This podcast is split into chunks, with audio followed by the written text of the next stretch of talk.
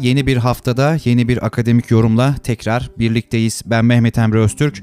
Bu haftada her hafta olduğu gibi gündemde yaşanan konuların akademik yansımalarını sizlerle birlikte değerlendiriyor olacağız. Evet bu haftada gündem yine yoğundu. Gündemin öne çıkan başlıkları arasında Davos Ekonomi Forumu geliyordu. Yine Cevat Zarif'in yazdığı bir makale var. Makalede çok önemli ifadeler göze çarpıyor. İran'ın nükleer anlaşmaya geri dönmesi için Amerika Birleşik Devletleri ile izleyeceği sürece dair bazı anekdotlar veriliyor. Ancak buradan Amerika Birleşik Devletleri'ne de bazı mesajlar var. İran kısaca şunu istiyor artık dayatmalardan vazgeçilmeli ve müzakere masasında ortak kararlar alınıp bölge barışını sağlayacak ve dünya barışını sağlayacak önemli adımların atılması gerektiği altını çiziyor. Bu konuyu da ilerleyen süreçte detaylı bir şekilde ele alıyor olacağız. Yine dünyayı kasıp kavuran koronavirüs salgınıyla mücadele için geliştirilen aşılar tüm dünyada uygulanmaya devam ediliyor. Şu ana kadar Beijing'den gelen haberlere göre Çin'de 22 milyon 767 bin kişi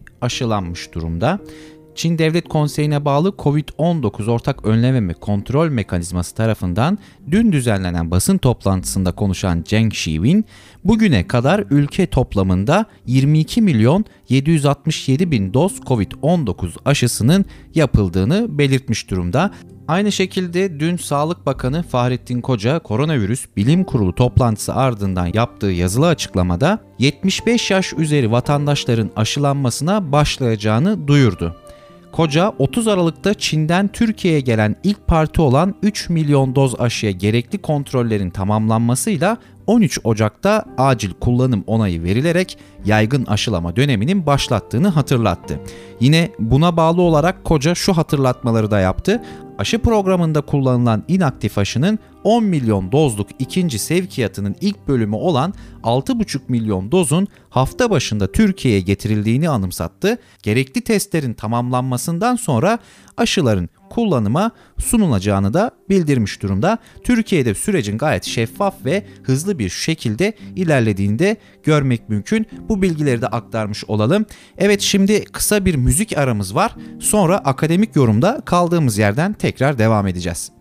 Evet sevgili CRI Türk dinleyicileri birlikteliğimiz akademik yorumda devam ediyor. Ben Mehmet Emre Öztürk. Programımızın başında Xi Jinping'in Davos Ekonomi Forumu'nda yaptığı bir konuşmadan bahsetmiştik. Çin Cumhurbaşkanı Xi Jinping yaptığı konuşmalarda çok önemli noktalara değindi. Konuyla ilgili detaylar var. Şimdi hepsini sizlerle birlikte paylaşıyor olacağız. Dünyanın en önemli zirveleri arasında yer alan Davos Ekonomi Forumu güveni yeniden tesis etmek için kritik yıl temasıyla pazartesi günü başladı ve 29 Ocağı kadar sürecek. Yeni tip koronavirüs salgını nedeniyle çevrim içi düzenlenen toplantıda etkinliklere 70 ülkeden 500'e aşkın ismin katılacağı belirtiliyor. Salgının beraberinde getirdiği halk sağlığı krizi ve ekonomik yıkım bu yılki zirveyi benzersiz kılarken Davos'ta ilk gün konuşan Çin Cumhurbaşkanı Xi Jinping uluslararası kamuoyuna önemli mesajlar verdi. Amerika Birleşik Devletleri yönetim değişikliğinin ardından ilk kez kameralar karşısına geçen Xi Jinping'in vurguları Beijing ve Washington arasındaki ilişkilerin geleceği açısından da dikkatle takip edilmiş durumda.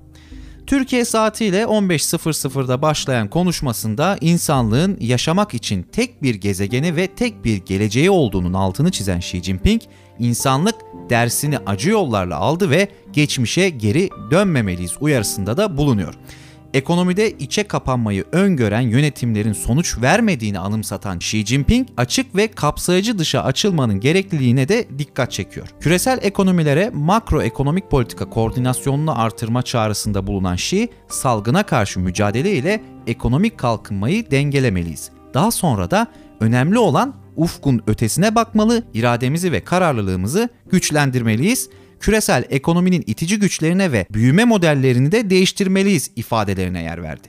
Çin Cumhurbaşkanı Xi Jinping, insanlığın önündeki ikinci önemli görevin farklılıklara saygı duymak olduğunu da belirtti.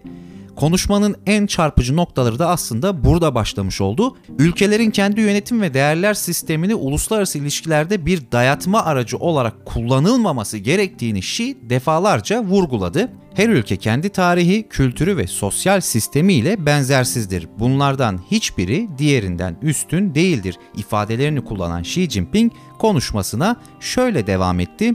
Çeşitlilik olmadan medeniyet olmayacaktır ve bu çeşitlilik biz hayal edebildikçe devam edecektir. Farklılıklar çanların çalması için bir neden değildir. Çanların çalmasına neden olan şey kibir, ön yargı ve nefrettir. Bunlar uygarlıklar arasında hiyerarşi empoze eder ya da bir sistem tarihini, kültürünü ve sosyal sistemini diğerlerine dayatır. Ülkeler için doğru seçim farklılıkları rafa kaldırırken ortak zemini genişletmek, karşılıklı saygı temelinde birbirinden öğrenmeyi ve değişimleri teşvik edecek barış içinde bir arada yaşamaktır. İnsan uygarlığına ivme katmanın yolu budur. Yine uluslararası toplumun üçüncü görevinin gelişmiş ve gelişmekte olan ülkeler arasındaki gelir uçurumunu azaltmak olduğunu söyleyen Çin lideri bu bağlamda da şunları kaydetti. Bugün eşitsizlik büyümeye devam ediyor. Kuzey-güney uçurumunun kapatılması gerekiyor ve sürdürülebilir kalkınma çeşitli meydan okumalarla karşı karşıya. Ülkeler salgınla boğuşurken ekonomik ilişkileri farklı yönlerde çeşitli hareketlilikler gösteriyor kuzey ve güney arasındaki makas daha da açılırken bu uçurum kalıcı hale bile gelebilir. Gelişmekte olan ülkeler daha fazla kaynak ve gelişme için daha fazla alan talep ediyor ve küresel ekonomik yönetişimde daha güçlü temsil çağrısında bulunuyorlar. Gelişmekte olan ülkelerin büyümesiyle birlikte küresel refah ile istikrarın daha sağlam bir zemin oluşturacağı ve gelişmiş ülkelerin bu büyümeden yararlanmaya devam edeceğini de kabul etmeliyiz. Uluslararası toplum uzun vadede dikkati burada toplamalı, verdiği sözleri tutmalı ve gelişmekte olan ülkelere gerekli desteği sağlayıp onların çıkarlarını garanti altına almalıdır. Eşit haklar eşit fırsatlar ve eşit kurallar güçlendirilmedi. Bu sayede tüm ülkeler gelişmenin getirdiği fırsat ve kazanımlardan yararlanabilirler. Evet Xi Jinping'in konuşmasından satır başları bu şekildeydi ancak belirtmemiz gereken bir noktada var. Covid-19 salgınına benzer salgınların tekrar görülebileceği ihtimalini dışlamayan ve iklim değişikliği gibi yakıcı sorunlara da işaret eden Xi Jinping, dördüncü görev alanı olaraksa küresel yönetişim başlığını tercih etti küresel eylem, küresel işbirliği ve küresel tepki formülünü gündeme getiren Çin Cumhurbaşkanı çok taraflılık ve insanlığın ortak kaderini inşa etmek için uluslararası platformların daha da güçlendirilmesi gerektiğini sözlerine ekledi. Evet CRI Türk dinleyicileri şimdi kısa bir müzik aramız var. Ardından birlikteliğimiz kaldığımız yerden devam edecek. Evet sevgili CRI Türk dinleyicileri birlikteliğimiz akademik yorumda kaldığımız yerden tekrar devam ediyor. Ben Mehmet Emre Öztürk. Az önce Xi Jinping'in Davos'ta yaptığı konuşmadan bahsettik ve öne çıkan satır başlarını sizinle birlikte paylaşmış olduk. Amerika Birleşik Devletleri'nde yeni yönetimin göreve başlamasıyla diplomatik kapıların tekrar nasıl aralanacağı en çok konuşulanlar arasında Donald Trump döneminde İran ile yaşanan gerginliklerin Joe Biden yönetimi tarafından nasıl sürdürüleceği ise bölgedeki istikrarın korunması açısından büyük önem arz ediyor. İran Dışişleri Bakanı Cevat Zarif, Foreign Affairs dergisi için kaleme aldığı bir makalede Tahran'ın taleplerinin karşılanması durumunda nükleer anlaşma sağlayabileceklerini belirtiyor. Donald Trump'ın görev süresi boyunca bölgesel gerginliği artıracak girişimlerde bulunduğunu ve 2018'de tek taraflı olarak İran nükleer anlaşmasından çekildiğinin altını çizen Zarif, yeni yönetim geçmişin başarısız varsayımlarını bir kenara bırakıp bölgede barış ve samimiyeti teşvik etmeye çalışabilir. ABD Başkanı Joe Biden, Trump'ın başarısız maksimum baskı politikasına son vererek ve Selefi'nin terk ettiği anlaşmaya geri dönerek daha iyi bir yol seçebilir. Bunu yaparsa İran olarak nükleer anlaşma kapsamındaki taahhütlerimizi tam olarak yerine getirebiliriz. Ancak Washington bunun yerine tavizler almakta ısrar ederse o zaman bu fırsat kaybedilecektir ifadelerine yer veriyor İran Dışişleri Bakanı Cevat Zarif. Trump'ın görev süresi boyunca en büyük zararı sadece Amerika Birleşik Devletleri'ne verdiğine değinen Cevat Zarif şu satırlara değiniyor. ABD geçtiğimiz yıl Ocak ayında General Kasım Süleymani'yi öldürdü. İran'a yönelik baskı defalarca amaçlananın tam tersi sonuçlar doğurdu. ABD eylemlerinin neden olduğu bu zararı kolayca geri alamaz. Ancak yeni yönetim Selefi'nin büyük hatalarından birini ele alabilir. Bunlardan bir tanesi ise Trump'ın 2018'de çekildiği İran nükleer anlaşması. Trump anlaşmadan geri çekilerek büyük bir çok taraflı diplomatik başarıyı baltalamaya çalıştı ve ardından İran halkını hedef alan kült bir ekonomik savaş kampanyası başlattı. Aslında İran'ı Birleşmiş Milletler onaylı bir anlaşmaya bağlılığı nedeniyle cezalandırmış oldu. Trump yönetiminin uyguladığı ve yeniden uyguladığı yaptırımlar İran'ın Covid-19 salgınıyla mücadele etmek için gereken tıbbi malzemeleri bile ithal etmesini neredeyse imkansız hale getirdi. Ancak bu zorluklar bizi teslim olmaya zorlamadı. Ekonomimizi çökertmedi ve stratejik hesaplamamızı hiçbir zaman değiştirmedi ifadelerine yer veriyor Cevat Zarif. Evet burada da çok dikkat çekici ifadeler var. En başta da belirtildiği gibi Trump'ın her attığı adımın aslında Amerika Birleşik Devletleri için bir zarar süreci oluşturduğunun altını çiziyor Cevat Zarif. Nükleer meselelerden ayrı olarak İran'ın bölgesel sorunları da her zaman öncelikli olarak çözmek istediğinin altı çizilen makalede İran bölgedeki sorunları tartışmaya her zaman istekli olmuştur. Ancak bu sorunu yabancılarla değil, bölgedeki halklarla birlikte çözmelidir. Ne Amerika ne de Avrupa ülkeleri gelecekteki müzakerelere liderlik etme veya sponsor olma yetkisine sahip değil. Basra Körfezi'nin diplomasi ve işbirliğini teşvik etmek adına kapsayıcı bir bölgesel mekanizmaya ihtiyacı var. İran'ın 2019 yılında Birleşmiş Milletler Genel Kurulu'na sunduğu HOP olarak da bilinen Hürmüz Barış Girişimi ile bölgesel diyalog adına forum oluşturmayı uzun süredir savunmaktadır. Böyle bir forumda ülkeler güven artırıcı önlemlerle endişelerini birlikte ele alabilir. Ortak sorunları diyalog yoluyla ve kolektif çıkarları korumak için karşılıklı yarar sağlayan çabalarda bulunabilir. Bu öneri İran'ın bölgesel veya küresel hegemonya dayatması olarak algılanmamalı, İran'ın bağımsız, güçlü, istikrarlı, barışçıl ve müreffeh bir ülke topluluğu arzusunu yansıtan bir girişimi olarak algılanmalıdır. Biden yönetimi Trump'ın göreve gelmesinden bu yana uygulanan tüm yaptırımları kaldırarak işe başlayabilir nükleer anlaşmaya yeniden dahil olup diyaloğa açık bir süreç başlatabilir. Bunlar yapılırsa bölgemizde barış ve istikrar için yeni olanaklar açılacaktır ifadelerine yer veriyor. İran Dışişleri Bakanı Cevat Zarif. Evet sevgili CRI Türk dinleyicileri şimdi kısa bir müzik aramız var ardından birlikteliğimiz kaldığımız yerden tekrar devam edecek. Evet sevgili CRI Türk dinleyicileri akademik yorumda birlikteliğimiz kaldığımız yerden devam ediyor. Ben Mehmet Emre Öztürk. Programımızın sonlarına doğru yaklaşıyoruz. Bize ayrılan sürenin sonuna gelmek üzereyiz.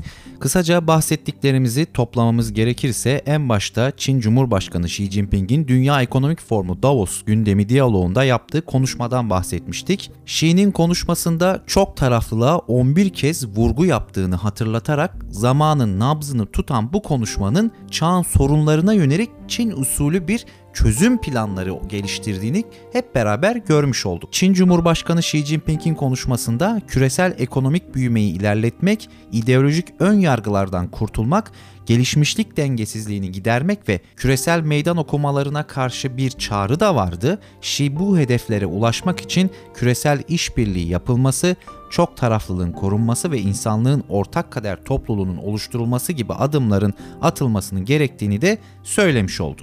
Yine İran Dışişleri Bakanı Cevat Zarif'in Foreign Affairs dergisi için kaleme aldığı bir makaleden bahsetmiştik. Tahran'ın taleplerinin karşılanması durumunda nükleer anlaşma sağlayabileceklerinin belirtildiği bir makaleydi. Zarif, yeni yönetimin Trump yönetiminin başarısız politikalarından vazgeçip barış ve samimiyeti teşvik etmeye çalışacak bazı politikaları uygularsa ve bazı dayatmalarından vazgeçerse nükleer anlaşmada Washington'ın Tahran ile el sıkışabileceğinin altını defalarca çiziyordu.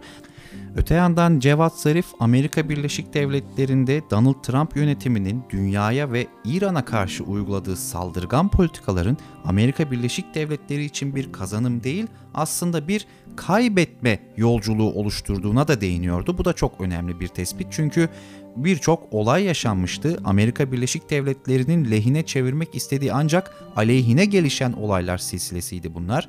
Örnek verecek olursak Amerika Birleşik Devletleri'nin Orta Doğu'da bir gerginlik yaratmak için ve Orta Doğu'daki çıkarlarını sürdürmek için İranlı General Kasım Süleymani'yi öldürerek attığı adım aslında Amerika Birleşik Devletleri'nin bölgede bir barıştan ziyade çatışma ortamının yaşanması için elinden gelen her şeyi yaptığının da bir diğer göstergesi olmuş olmuştu. Evet uzmanların da söylediği gibi Donald Trump'tan öncesi ve sonrası hiçbir şey artık Amerika için normal olmayacak. Aslında bu süreç uzun süredir başlamış durumdaydı. Hegemonya artık çöküş dönemine girmiş durumunda ancak bu çöküş döneminin hızını belirleyecek olan şey ise mevcut yönetimlerin politikaları olacak. Donald Trump'ın mevcut politikaları bu süreci biraz daha hızlandırmıştı. Ancak bunu biraz yavaşlatacak ya da hızlandıracak olan ise Joe Biden yönetimi olacak. Kesin olan bir şey var ise o da hegemonyanın artık çöküş sürecinde emin adımlarla ilerlediği olacaktır. Gelecek hafta akademik yorumda tekrar görüşmek dileğiyle hoşçakalın.